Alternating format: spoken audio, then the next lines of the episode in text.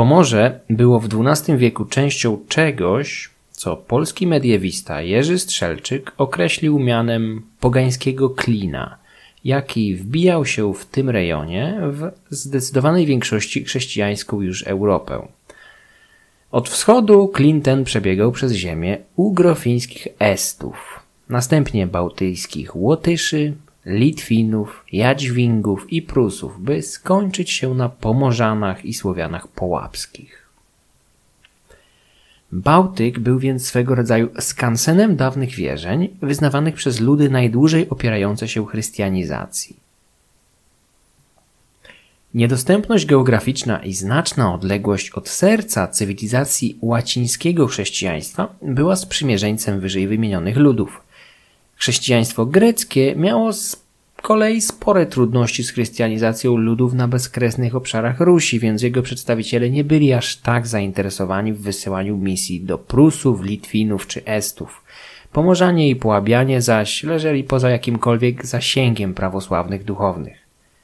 Warto także podkreślić większą łagodność okazywaną w pracy misyjnej przez Kościół prawosławny, który chętniej przymykał oko na różne przeżytki dawnych wierzeń i archaiczne zwyczaje. Ta postawa była wymuszona głównie geografią, gdyż Europa Wschodnia nie była tak zurbanizowana ani gęsto zaludniona jak jej zachodnia odpowiedniczka. Dotarcie do wiernych i kontrolowanie poprawności ich kultu było najzwyczajniej w świecie znacznie utrudnione w tej części kontynentu. Chrystianizacja Pomorza i Połabia od początku musiała być przeprowadzona przez najbardziej zainteresowane tym przedsięwzięciem państwa Danię, Polskę i Niemcy.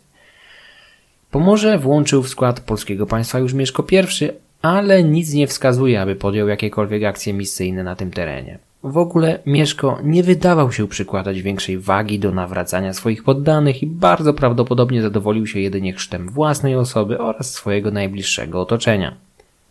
Sytuacja zmieniła się pod panowaniem Bolesława Chrobrego, który z większym zapałem zabrał się za dostosowanie religii poddanych do własnych przekonań. Na Pomorzu powstała diecezja w Kołobrzegu, która okazała się równie efemeryczna jak polskie panowanie na tym terenie. Po śmierci Bolesława w 1025 roku rządy objął jego syn Mieszko II, człowiek niebywale wykształcony i wręcz światowy jak na standardy ówczesnych europejskich elit panujących. Pomimo tego sytuacja Polski wyczerpanej wieloletnimi wojnami, do tego otoczonej wrogami, była bardzo ciężka. Najazdy niemieckie, ruskie i czeskie rozbiły monarchię Piastów w pył, z czego skwapliwie skorzystali Pomorzanie. Od diecezji w Kołobrzegu słuch zaginął. Władcy Niemiec mieli w tym czasie zbyt wiele problemów ze Słowianami połapskimi, szczególnie wieletami żyjącymi po zachodniej stronie Odry, aby zajmować się Szczecinem, Wolinem czy w ogóle wybrzeżem na wschód te od tej rzeki. Królowie Danii z kolei byli bardziej zainteresowani wojnami w dalekiej Anglii czy Norwegii, co finalnie bardziej się im opłaciło, zwłaszcza jeżeli uwzględnimy piorunującą karierę Kanuta, zwanego Wielkim, władcy Morza Północnego, w pewnym momencie sprawującego rządy w Danii, Anglii i Norwegii jednocześnie. Ciekawostką jest jego pochodzenie w prostej linii od Mieszka I, który był dziadkiem Kanuta poprzez swoją córkę Świętosławę, w Skandynawii znaną jako Sygryda Storrada, żona najpierw króla Szwecji Eryka Zwycięskiego, a następnie władcy Danii Svena Widłobrodego, ojca Kanuta. Podbój Pomorza był w dalszej perspektywie celem każdego z wyżej wymienionych trzech państw, ale najszybsi mieli się okazać Polacy pod rządami Bolesława Krzywoustego – władcy, który wzgardził rybami słonymi i cuchnącymi na korzyść tych pluskających w oceanie, jak w dawnej średniowiecznej pieśni wojów określano Bałtyk. Słynna pieśń sławiąca władcę, który zdobył Kołobrzeg, a przez to dostęp do morza, doczekała się kilku bliższych naszym czasem coverów w wykonaniu Czesława Niemena czy ostatnio Marka Piekarczyka. Część Pomorza Bolesław wcielił bezpośrednio do Polski, ale jego zachodnie rejony zdołał jedynie zwasalizować. Pomorze Zachodnie było wtedy na etapie kształtowania własnej, wczesnej państwowości, przyspieszonej przez wysoką świadomość odrębności, silną urbanizację i dość dużą gęstość zaludnienia.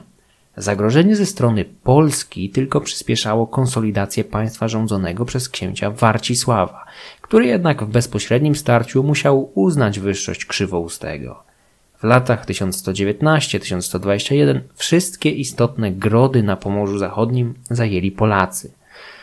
Lecz ich książę nie mógł wcielić zdobytych obszarów bezpośrednio do swojego kraju, prawdopodobnie nie mając wystarczających środków na długotrwałą okupację i łamanie tendencji odśrodkowych na tak sporym obszarze.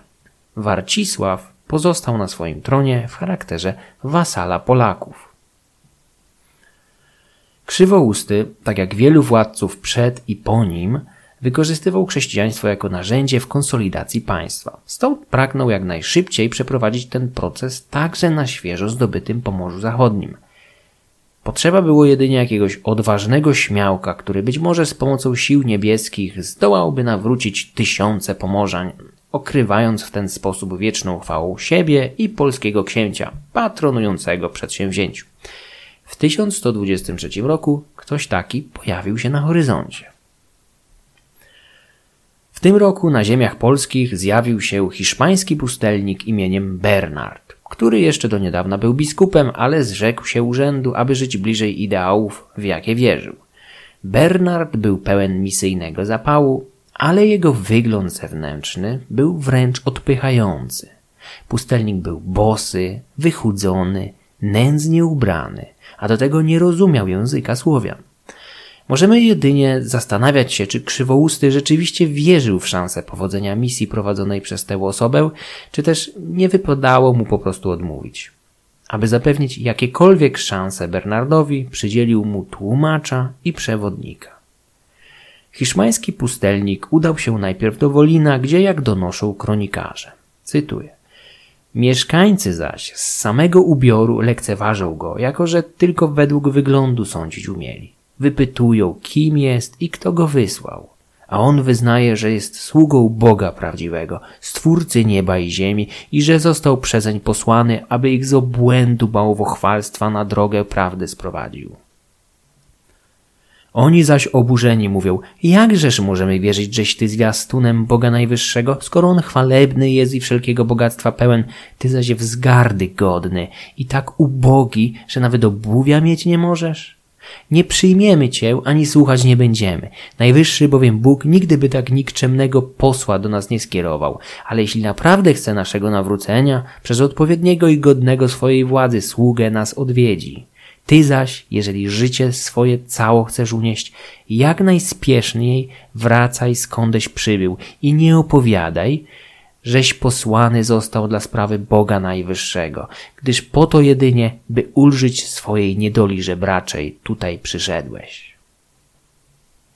Bernard nie docenił przyzwyczajeń Słowian, których religia, tak jak większość kultów politeistycznych, była oparta na doczesności. Od swoich bogów oczekiwali wsparcia w przedsięwzięciach podejmowanych za życia, to jest wojnach, zbiorach czy innych czynnościach, jakie mogły dać im bogactwo i dostatek. Same słowa Bóg, bogowie wywodzą się z terminów określających bogactwo.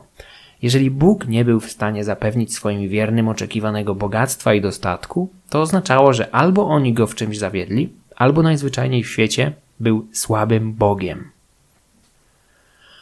Umysł dwunastowiecznego politeisty jak najbardziej brał pod uwagę istnienie Boga chrześcijańskiego, ale kojarzono go z potężną istotą nadprzyrodzoną. Poganie orientowali się w sile i bogactwie sąsiednich władców chrześcijańskich, co przypisywali ich potężnemu Bogu. Gdy więc do ich bram zaczął kołatać nędznie ubrany, bosy i zaniedbany starzec, mieniący się być posłannikiem prawdziwego Boga, stwórcy nieba i ziemi, nie byli w stanie zareagować inaczej jak oburzeniem i niechęcią do delikwenta. Inna sprawa, że Bernard najprawdopodobniej nie wykazał żadnego zainteresowania wcześniejszym zbadaniem przyszłej placówki misyjnej i najzwyczajniej w świecie poszedł na żywioł. Najprawdopodobniej liczył na cud albo co najmniej na męczeństwo. Obie motywacje zdaje się potwierdzać jego chęć poddania się próbie ognia. Mianowicie Prosił Wolinian, aby ci wyznaczyli jakiś stary, sypiący się dom, który następnie podpaliliby, wrzucając jego do środka. Bernard zapewniał ich, że płomienie nie wyrządzą mu żadnej krzywdy, co ostatecznie przekona ich do jego nadprzyrodzonego posłannictwa. Pustelnik sam pchał się do płomieni. Perspektywa spopielenia tego irytującego jego mościa niewątpliwie była kusząca, ale czujni wolinianie zobaczyli dwie przeszkody. Po pierwsze, zabudowa w tym grodzie była nie tylko drewniana, była również wyjątkowo gęsta i podpalenie jednego domu mogło zakończyć się spopieleniem sporej części grodu. Po drugie, śmierć misjonarza nawet na jego własne życzenie mogła wywołać gniew polskiego księcia. Co prawda Bernard nie wyglądał jak wysłannik potężnego Bolesława, ale wolinianie woleli dmuchać na zimne i postanowili deportować uciążliwego Hiszpana tam skąd przybył. Pustelnik nie dawał jednak za wygraną i, cytuję, Płonąc chęcią męczeństwa, porwawszy siekierę, przystąpił do ścinania wielkiej kolumny poświęconej Juliuszowi Cezarowi, od którego miasto Julin, czyli Wolin, wzięło swoją nazwę. W tym miejscu należy się pewna dygresja. W średniowieczu Wolin w źródłach łacińskich zwano czasami Julinem, zaś skłonni do uciekania w chłopskie etymologie nieznanych sobie słów kronikarze wytłumaczyli to sobie związkiem z Juliuszem Cezarem, który to miał założyć to miasto. Dzisiaj wiemy, że Juliusz Cezar nie mógł tego zrobić, gdyż nigdy nie zawędrował w te rejony, a jego dwie krótkie, kilkutygodniowe wyprawy do Germanii przedsięwzięte podczas wojny galijskiej polegały na przekroczeniu Renu gdzieś w okolicach dzisiejszej Mozeli i pacyfikacji terenów po zachodniej stronie rzeki. Nic ponadto. Nadrenię od Wolina dzieliło około 600 km w linii prostej przez bagna i puszczę Germanii. Nie ma żadnych dowodów na wojskową obecność Rzymian w okolicach tego grodu, chociaż istnieją silne poszlaki sugerujące, że jedna z ich późniejszych ekspedycji mogła zapuścić się aż na przedmieścia Berlina, czyli około 200 km od Wolina. Tak czy inaczej, to było ponad tysiąc lat wcześniej i nie ma żadnego związku pomiędzy obecnością Rzymian w Germanii a domniemanym kultem Juliusza Cezara w Wolinie. Wróćmy jednak do Bernarda, który właśnie zamierza się na jakąś kultową kolumnę bądź słup poświęcony miejscowym bogom. Świętokradczy gest pustelnika rozwścieczył mieszkańców, którzy dotkliwie go pobili, jednak nie pozbawili go życia. Gdy ten wrócił i znowu zaczął głosić swoje kazania, tutaj cytuję, kapłani siłą odciągnęli go spośród ludu i wraz z kapelanem i tłumaczem wsadzili na statek, mówiąc: Skoro tak wielką pałasz chęcią głoszenia kazań, głoś je rybom morskim i ptakom niebieskim. Strzeż się, byś nie ważył się przekroczyć naszych granic, gdyż nie znajdzie się ani jeden, który by cię przyjął. Misja Bernarda skończyła się kompletną porażką, a on sam powrócił do krzywoustego, którego pewnie nie zaskoczyło fiasko całego przedsięwzięcia. O przebiegu i wyniku misji wiemy dzięki Ebonowi z Michelsbergu, jednemu z trzech biografów kolejnego misjonarza Pomorzan, świętego Ottona z Bambergu. Bolesław Krzywousty postanowił lepiej przygotować kolejną wyprawę, w czym pomogła mu szczegółowa relacja Bernarda lub osób z jego otoczenia. W polskim duchowieństwie nie było chętnych do podjęcia się tego przedsięwzięcia, więc książę musiał zgłosić się o pomoc do Ottona, biskupa bawarskiego Bambergu, znanego i szanowanego duchownego. Człowieka w bardzo podeszłym, jak na tamte czasy, wieku. Był bowiem po sześćdziesiątce. Otton przebywał w przeszłości przez dłuższy czas w Polsce, więc znał w pewnym stopniu język tego kraju. W 1124 roku podjął wyprawę misyjną na Pomorze, tak jak rok wcześniej zrobił to Bernard, z tym, że biskup z Bambergu ruszył z liczną świtą, przybrany w bogate szaty, aby onieśmielić potencjalnych konwertytów.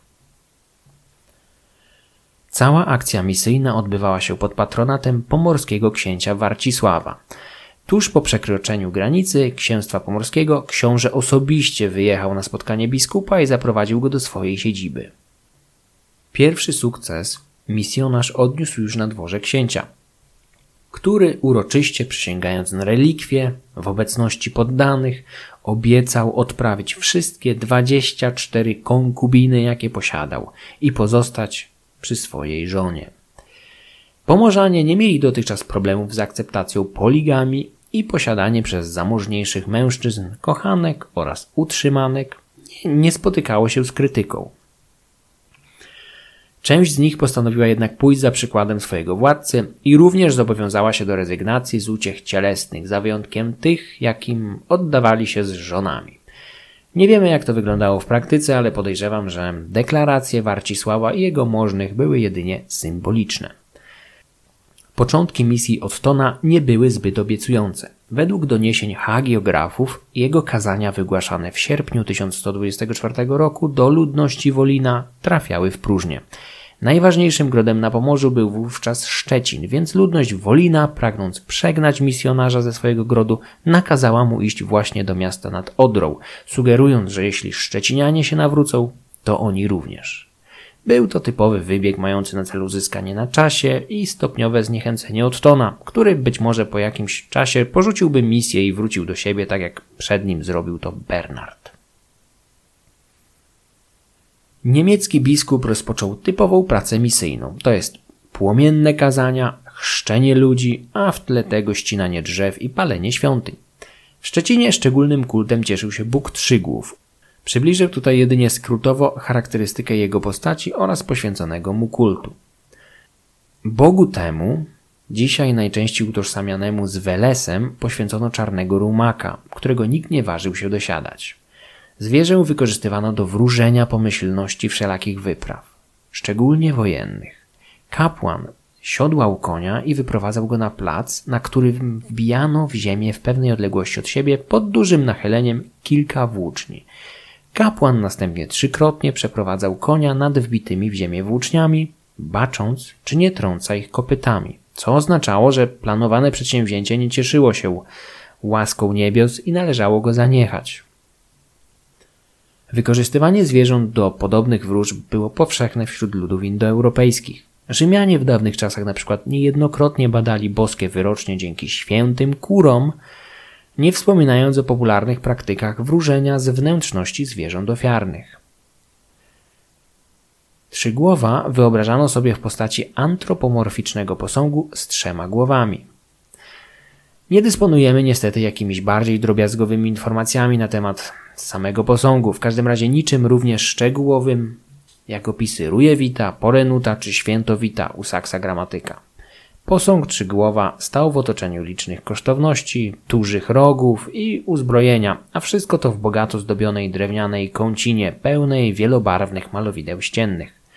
Biskup nie mógł oczywiście zostawić spokoju tego przybytku, więc po kazaniu zebrał swoich ludzi i razem, uzbrojeni w motyki i siekiery, zabrali się za energiczne niszczenie kąciny. Otton zdawał sobie sprawę, że mieszkańcy Szczecina będą się bali zemsty Boga i pierwsi nie podniosą ręki na jego świątynię, stąd sam postanowił dać im przykład bezsilności trzygłowego bóstwa. Opis tych zdarzeń zachował dla nas Herbort, jeden z trzech hagiografów Ottona z Bambergu. Kronikarz zapewniał, że ludzie, gdy tylko zobaczyli, jak bezsilny jest ich Bóg, sami rzucili się na pomoc misjonarzom, niszcząc resztki kąciny i skwapliwie unosząc drewno na rozpałkę do swoich chat. Przybytek ich niepokonanego Boga posłużył do gotowania kaszy na obiad lub kolację. Rumaka Trzygłowa spotkał mniej dramatyczny los. Odtąd mianowicie kazał go zabrać i sprzedać, aby resztę swych dni zwierzę zajmowało się tym, do czego było stworzone ciągnięciem wozów. Biskup nie dawał najwyraźniej wiary szczególnym umiejętnościom dywinacyjnym konia. Sam posąg Trzygłowa nie został kompletnie zniszczony, bowiem jego odrąbaną, posrebrzaną głowę niemiecki biskup postanowił zachować i wysłać w prezencie papieżowi Kalikstowi II jako najlepszy dowód obalenia jednego z ostatnich pogańskich bogów na kontynencie europejskim. Kosztowności znalezione w kącinie misjonarz nakazał rozdać mieszkańcom miasta, aby uniknąć potencjalnych oskarżeń o chciwość. Myślę, że prywatnie mógł też chcieć wciągnąć w proceder niszczenia i rabunku świątyni jak najwięcej mieszkańców, którzy staliby się jego wspólnikami w tym rozboju. W efekcie tym bardziej związałoby to ich znowu wiarą, bo jak tu wrócić do kultu starych bogów, jeżeli własnoręcznie zniszczyło się im świątynię, z jej belek zrobiło się ognisko do gotowania kaszy, a złoto i biżuterię schowało się we własnej chacie. Otton wprowadził nowe porządki, które oznaczały nie tylko zakaz kultu starych bogów, ale także istotne zmiany w pewnych aspektach funkcjonowania społeczeństwa. Zakazano nie tylko poligami, ale również dzieciobójstwa, szczególnie porzucania nowonarodzonych dziewczynek, które zabijano bez większych wyrzutów sumienia, jeżeli rodzina czuła, że może sobie nie poradzić z wychowaniem kolejnego dziecka. Herbert daje nam do zrozumienia, że chłopcy mieli większe szanse przetrwania, nawet w wielodzietnych rodzinach.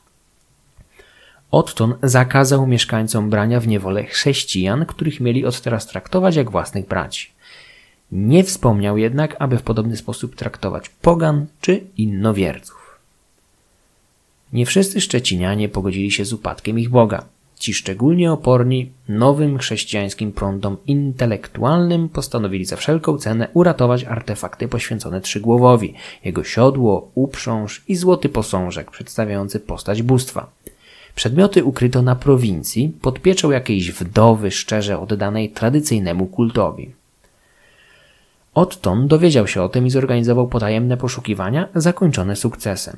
Jeden z jego ludzi, znający język miejscowych, zdołał w jakiś sposób przekonać ich, że jest poganinem z Połabia i przybył tutaj, aby pokłonić się Trzygłowowi. Był na tyle przekonujący, że ktoś wskazał mu gospodarstwo wdowy, skąd, korzystając z jej nieuwagi, udało mu się ukraść siodło Boga. Podobno tak stare i zniszczone, że miało wartość jedynie sentymentalną. Otton przedstawił zdobycz miejscowej starszyźnie i zażądał przyniesienia posągu. Postawieni pod ścianą Szczecinianie zgodzili się i dostarczyli złoty artefakt misjonarzowi. Ten nakazał go przetopić, a uzyskane środki wydać na wykupienie z niewoli chrześcijańskich niewolników. Pierwsza misja Ottona zakończyła się niewątpliwym sukcesem, do którego przyczyniły się pośrednio groźby i obietnice Bolesława Krzywoustego. Polski książę groził opornym Pomorzanom nową wyprawą zbrojną w przypadku, gdyby źle przyjęli bawarskiego biskupa, jednocześnie obiecując im zmniejszenie danin, gdyby posłusznie przyjęli nową wiarę. Warto również zauważyć, że część Pomorzan była już chrześcijanami, szczególnie ich elity reprezentowane przez księcia Warcisława, który zrzekł się wszystkich konkubin, aby żyć zgodnie z naukami, do których był już wcześniej zobowiązany. Wszystko to niewątpliwie pomogło w konwersji Pomorzan. Trudno więc mówić tu o jakimś cudownym nawróceniu. Powodzenie w najważniejszym mieście regionu ułatwiło biskupowi pracę w kolejnych osadach, takich jak Wolin, Gardziec czy Lubin. Ostatnimi miastami odwiedzonymi przez misjonarzy były Kamień, Kłodno oraz Kołobrzeg. Tym ostatnim mieście, w nurtach rzeki Parsęty, utonął jeden z niemieckich diakonów towarzyszących Ottonowi. Jak się okazało, był jedyną śmiertelną ofiarą spośród świty misjonarza. Wyprawa biskupa zakończyła się w lutym 1125 roku. Jak wówczas uznawano, pełnym sukcesem, więc Otton powrócił do Bambergu przez Gniezno i Czechy, wszędzie witany jak bohater. Źródła utrzymują, że podczas swojej pierwszej misji ochrzcił 20 tysięcy pomorzan i zbudował kościoły w dziewięciu miejscowościach. Prawdopodobnie były to małe, prowizoryczne, drewniane kościółki, niewiele większe lub wręcz porównywalne ze zburzonymi kącinami, na których miejscu stawały. Wspomniałem, że właśnie zakończona misja Ottona była jego pierwszą. Dokładnie, jak się bowiem wkrótce miało okazać, efekty chrystianizacji były jedynie powierzchowne, a pogaństwo szybko podniosło głowę. Pozostawieni na miejscu duchowni nie byli w stanie utrzymać tego, co już osiągnięto, nie wspominając nawet o możliwościach dalszego kontynuowania misji. Kronikarze donoszą o tendencjach synkretystycznych. Na przykład w szczecińskim kościele poświęconym świętemu Wojciechowi poganie obok ołtarza chrześcijańskiego postawili także drugi ofiarowany jednemu ze swoich bogów prawdopodobnie trzygłowowi. Politeiści nie mieli problemu z zaakceptowaniem chrześcijaństwa, o ile pozwalano im jednocześnie czcić inne bóstwa. W 1128 roku Otton ponownie wyruszył na Pomorze odzyskać to, co stracono w ostatnich latach oraz nawracać kolejne miejscowości. W ciągu kilku lat książę Warcisław zdołał zająć rozległe ziemie na zachodnim brzegu Odry, na terenie dzisiejszych Niemiec.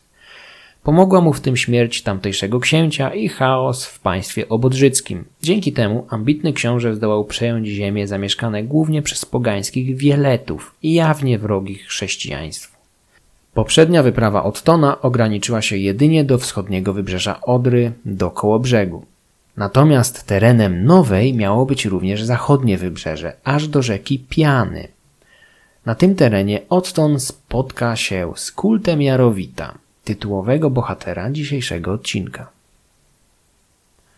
Wiosną 1128 roku biskup ponownie wkroczył na Pomorze, zmierzając tam tym razem bezpośrednio przez tereny Rzeszy Niemieckiej z pominięciem Polski. W tle misji towarzyszyła polityka i lokalne konflikty. Warcisław poczuł się na tyle mocny, że nie obawiał się już tak bardzo konfliktu z Bolesławem Krzywoustym. Faktycznie w 1128 roku doszło do lokalnych walk na granicach obu państw. Mieszkańcy kilku grodów, szczególnie Wolina i Szczecina, niezadowoleni z polityki księcia pomorskiego, zbuntowali się, czym wspierali ich dodatkowo Ranowie z Rugi, o których nieudanej wyprawie do Szczecina w 1128 roku wspominałem w odcinku poświęconym Arkonie. Jakby tego było mało, Otton napotykał liczne problemy ze strony duchowieństwa niemieckiego, szczególnie arcybiskupa Magdeburga, Norberta, który uzurpował sobie prawo do wszystkich ziem na zachód od Odry. Norbert nie znosił Ottona, ze wzajemnością zresztą, co tylko dodatkowo komplikowało fakt, że ten drugi musiał przejść przez jego ziemię oraz przynajmniej kurtuazyjnie poprosić o błogosławieństwo wyższego duchownego. Kronikarze przekazują wprost, że arcybiskup Norbert niechętnie i z zazdrością patrzył na tę misję. Chciał też jak najdłużej zatrzymać Ottona u siebie, ale w końcu uległ i pobłogosławił jego wyprawę. W drodze na placówkę misyjną Otton przechodził przez ziemie formalnie podlegające Norbertowi, a zamieszkane przez tysiące nieochrzczonych Słowian, których nie miał prawa nawracać, gdyż znajdowali się oni w kompetencjach wspomnianego arcybiskupa. Sytuacja może wydawać się kuriozalna, ale tak mniej więcej wyglądały realia misji chrystianizacyjnych w ówczesnej Europie, gdzie niejednokrotnie sami poganie byli dla misjonarzy mniejszym problemem od ich ambitnych przełożonych czy zarządców konkurencyjnych diecezji. To właśnie podczas tej wiosennej podróży Otton widział tłumy Słowian świętujących ku czci Jarowita w Hobolinie, dzisiejszym Havelsbergu, ale nie mógł wygłosić do nich nawet kazania. W maju 1128 roku Otton pojawił się na wyspie Uznam, gdzie spotkał się z życzliwie doń nastawionym Warcisławem, od którego otrzymał gwarancję bezpieczeństwa. Na wyspie doszło do wiecu możnych, którzy pod naciskiem Warcisława zgodzili się na dobrowolną, w cudzysłowiu, chrystianizację swoich ziem. Stąd wyruszył w kierunku Wołogoszczy, dzisiejszego Wolgast w niemieckiej Pomeranii. Kronikarz Herbort chcąc podkreślić niepokój, jaki wśród kapłanów czczonego w tym mieście Jarowita wywoływała perspektywa bliskiego pojawienia się biskupa, zapisał pewną barwną historię, bardzo możliwe, że zmyśloną, pomimo tego wartościową ze względu na pewne szczegóły. Jeden z kapłanów Jarowita miał rzekomo przebrać się w swoje kapłańskie, śnieżno-białe szaty i ukryć się wśród zarośli tuż obok ścieżki prowadzącej do grodu. Rankiem, gdy drogą tą przechodził jeden z miejscowych wieśniaków, kapłan wyszedł mu na spotkanie, przedstawiając się jako sam Bóg, Jarowit. Następnie przemówił słowami. Cytuję. Jestem Twoim Bogiem. Oto ja, który pokrywa pola ziarnem, leśne drzewa listowiem, owoce pól i drzew, potomstwo zwierząt i wszystko, co cieszy ludzi, jest w mojej mocy. Daję wszystko to tym, którzy we mnie wierzą i odbieram tym, którzy okazują mi pogardę. Powiedz mieszkańcom Wołogoszczy, że nie mogą przyjąć nowego, obcego Boga, który nie jest im w stanie pomóc. Powiedz im także, aby nie pozwolili zachować życia posłańcowi ich Boga, który przybędzie do was. Po tych słowach kapłan zniknął wśród listowia, pozostawiając oszołomionego wieśniaka sam na sam z głową pełną kotłujących się myśli i emocji. Intryga grubymi nićmi szyta. Właściwie wygląda niczym wyrwana ze scenariusza niskobudżetowego filmu fantazy klasy B. Stąd sądzę i nie jestem w tym poglądzie osamotniony, że wymyślili ją chrześcijańscy kronikarze. Pomimo tego jest to istotny fragment, z którego dowiadujemy się, że kapłani nosili śnieżno-białe suknie, a ich Bóg był odpowiedzialny za płodność i urodzaj ziemi. Podobnie zresztą jak arkoński świętowit. Widzimy także, że potencjalny nieurodzaj i cofnięcie łask, jakimi dotychczas bóstwo obdarzało wiernych, było najstraszniejszą możliwą karą. Nie jest to niczym dziwnym, biorąc pod uwagę, że w tamtych czasach niemal cała populacja musiała pracować w polach, aby zapewnić sobie wyżywienie, licząc przy okazji na niewielkie chociaż nadwyżki.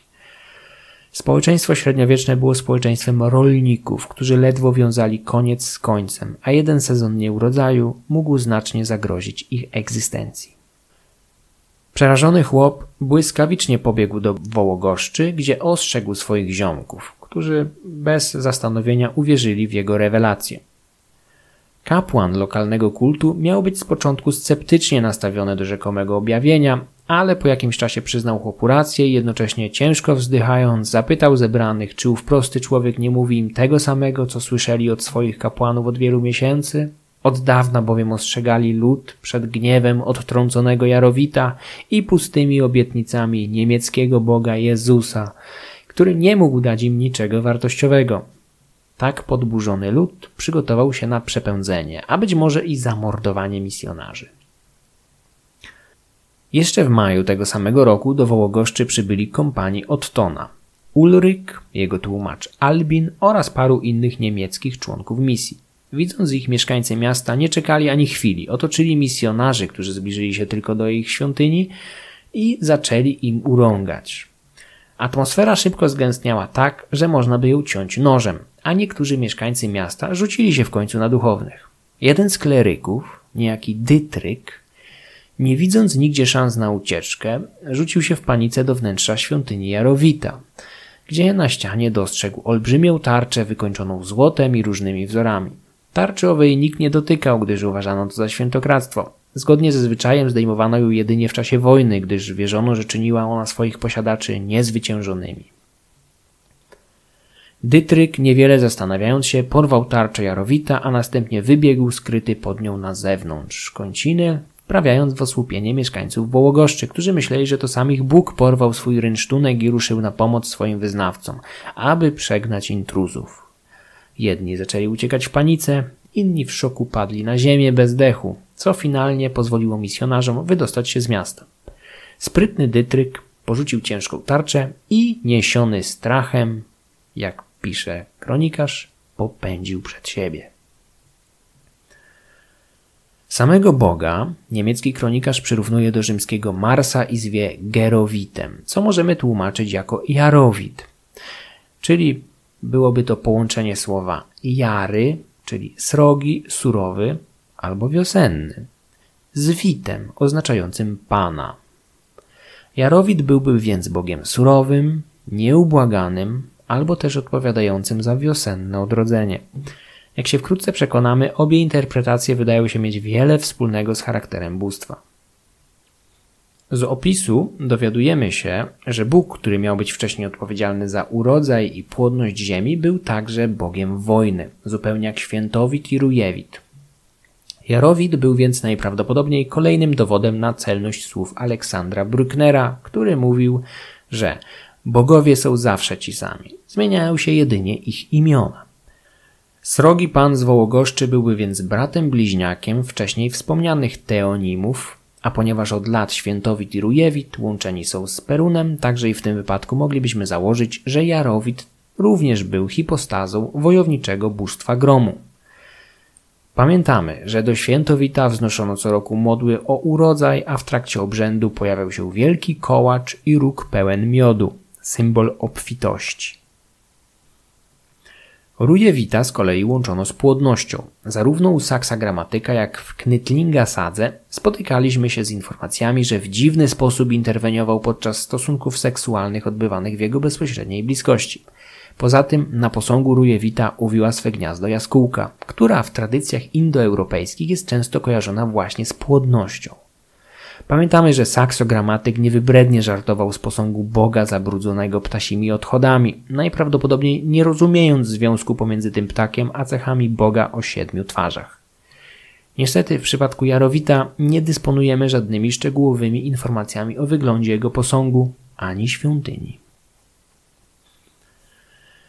Zaledwie miesiąc później, w czerwcu, odtąd ze swoją świtą pojawił się w leżącym nad rzeką Pianą mieście Hozegow, które dzisiaj znamy pod nazwą Gützkow. W tym grodzie nie doszło do równie barwnych scen jak w Wołogoszczy, ale Ebon z Michelsbergu informuje nas, że mieszkańcy starali się przekupić Ottona i jego świtę, aby nie palił ich świątyni.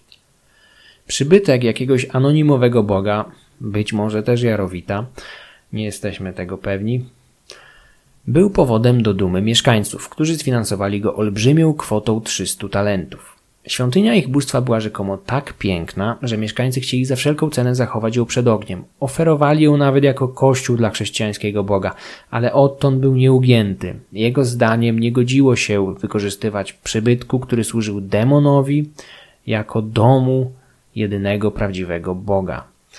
Ebon z radosnym uniesieniem zanotował, jak niszczono posąg Boga z Gycków. Cytuję.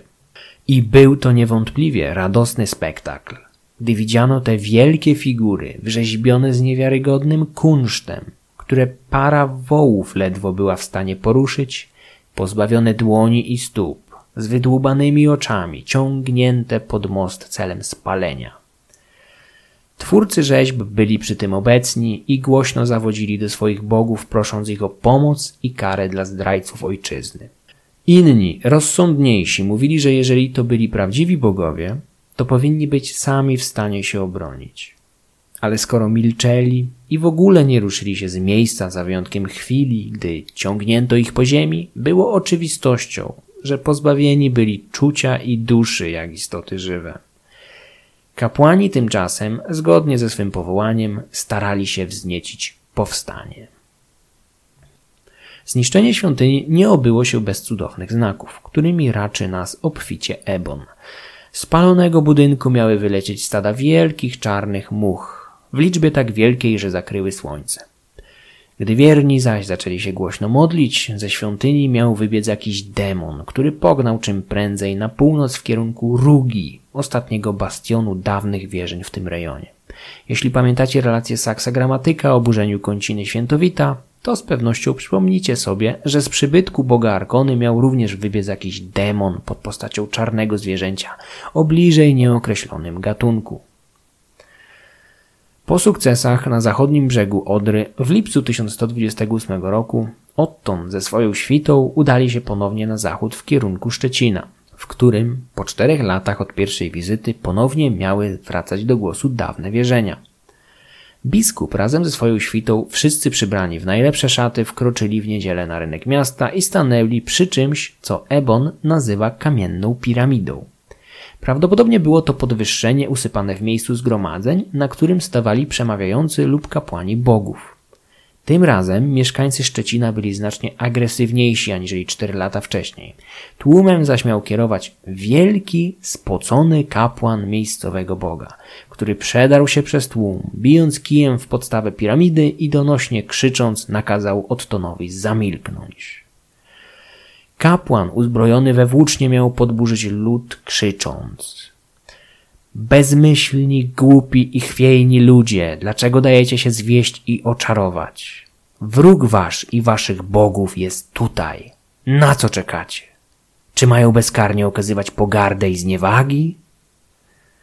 Według kronikarza w tym momencie kapłan krzyknął, aby zabić misjonarzy, po czym uniósł swoją włócznię a duża część pospólstwa zrobiła podobnie. Misjonarze stanęli jak wryci, szykując się na męczeńską śmierć, ale ta nie nadeszła. Ludzie stali z uniesionymi włóczniami, ale żaden jej nie cisnął. Misjonarze zdołali więc opuścić niebezpieczne miejsce i ukryć się. Dla chrześcijan miał to być kolejny cud, ale jak zauważył kiedyś Karol Modzelewski w swojej wyśmienitej książce Barbarzyńska Europa, mogło być inaczej i sam gest unoszenia włóczni nie oznaczał, że ludzie zgromadzeni na szczecińskim rynku zamierzali nimi ciskać Wottona. Rynek był miejscem wieców, podobnie piramida była podwyższeniem dla przemawiającego, w tym wypadku kapłana, który rzucił wniosek wygnania bądź zabicia misjonarzy. Część uprawnionych do swego rodzaju głosowania w takich sytuacjach mężczyzn uniosła w górę dłonie z włóczniami, co było po prostu wyrażeniem poparcia, ale samo w sobie nie oznaczało, że ktoś zamierzał w tym momencie rzucić włócznią. Prawdopodobnie jedynie mniejsza część mężczyzn poparła kapłana, unosząc włócznie do góry, przez co wniosek zwyczajnie w świecie nie przeszedł. Towarzysze Ottona, nie rozumiejąc sytuacji, przestraszyli się śmierci, a brak ataku uznali za boską interwencję. Pomimo tych komplikacji, biskup kontynuował misję i stopniowo przechylał szale zwycięstwa na własną stronę. Co prawda jego wysłannicy spotykali się regularnie z groźbami, a nawet atakami, jak w przypadku niszczenia jakiejś kąciny na obrzeżach Szczecina, gdy na głowę Ulryka i jego ludzi spadły kamienie i belki ciskane przez Słowian. Otton, w przeciwieństwie do Bernarda Hiszpana, był utalentowanym dyplomatą i potrafił niejednokrotnie ustąpić z niektórych warunków. Tak było na przykład ze ścięciem wielkiego drzewa rosnącego w centrum szczecińskiego grodu, które źródła określają albo jako dąb, albo orzech. Misjonarze uważali drzewo za obiekt kultu, poświęcony jakiemuś Bogu, więc pragnęli jego zagłady, ale ludzie uprosili ich, aby odłożyli siekiery, ponieważ drzewo było jedynym źródłem utrzymania starszego mężczyzny, jego strażnika. Jednocześnie obiecali, że nie będą nigdy drzewa czcić, będą jedynie korzystać z jego cienia. Duchowni ustąpili, chociaż nie obyło się bez przepychanki ze starszym mężczyzną, wspomnianym strażnikiem, który bojąc się utraty drzewa, miał zaatakować jednego z nich siekierą. Na szczęście dla Niemca starzec nie trafił, co kronikarze w swoim zwyczaju przypisali interwencji boskiej. Ostatnim i chyba najbardziej dramatycznym aktem chrystianizacji był rzekomy zamach na życie Ottona i kara, jaka spotkała jego domniemanych inicjatorów. Mianowicie, według Herborda, kapłani Trzygłowa zaplanowali morderstwo Ottona, gdy ten miał udać się do portu i wsiąść na swoją łódź. Zginąć z nim mieli także jego towarzysze, a kapłani już kilka dni wcześniej zaczęli przepowiadać wiernym dokładną datę zgonu nieustępliwego misjonarza, czym mogliby sobie później zaskarbić ich podziw. Zamach w porcie nie udał się. Cała sprawa zakończyła się chaotyczną kotłowaniną i walką wszystkich ze wszystkimi, ale biskup i jego ludzie ocaleli, gdyż w porcie znalazło się zbyt wielu świadków i jego stronników. Napastnicy, którzy liczyli na szybkie rozwiązanie kwestii biskupa z Bambergu, spotkali się z silnym oporem, a gdy twarze niektórych z nich rozpoznano, pierzchli przed siebie. W tym momencie hagiograf tłumaczy nam, że inicjatorami zamachu byli dwaj miejscowi kapłani których wkrótce miała spotkać zasłużona kara. Jeden z nich, mianowicie jeszcze tego samego dnia, miał umrzeć w efekcie jakiegoś paraliżu. Drugi zaś, płynąc łodzią celem załatwienia jakichś spraw biznesowych, jak określił je Herbert, nagle postradał zmysły. Towarzysze podróży mieli wysadzić szalonego kapłana na brzeg jakiejś wyspy, a następnie, aby nie zrobił sobie krzywdy, przywiązać go do drzewa. Kapłan jednak rozwiązał się, a potem zaczął oplatać się sznurem tak nieszczęśliwie, że powiesił się na gałęzi i oczywiście skonał uduszony. Nie muszę chyba dodawać, że oba zgony wyglądają co najmniej podejrzanie, a ten drugi właściwie wygląda na klasyczny przykład działania tzw. Tak seryjnego samobójcy. Za Ottonem stali nie tylko bogobojni, bezbronni duchowni, choć trzeba przyznać, że czasami potrafili wyciągnąć z zapazuchy motyki i siekiery, ale również ludzie, którzy byli w stanie mordować szczególnie opornych przeciwników, a takimi najwyraźniej byli ci dwaj kapłani, którzy nie mogli pogodzić się z chrystianizacją. Monoteistyczne chrześcijaństwo nie uznawało współpracy z innymi religiami, często wręcz nie widziało miejsca dla ich wyznawców.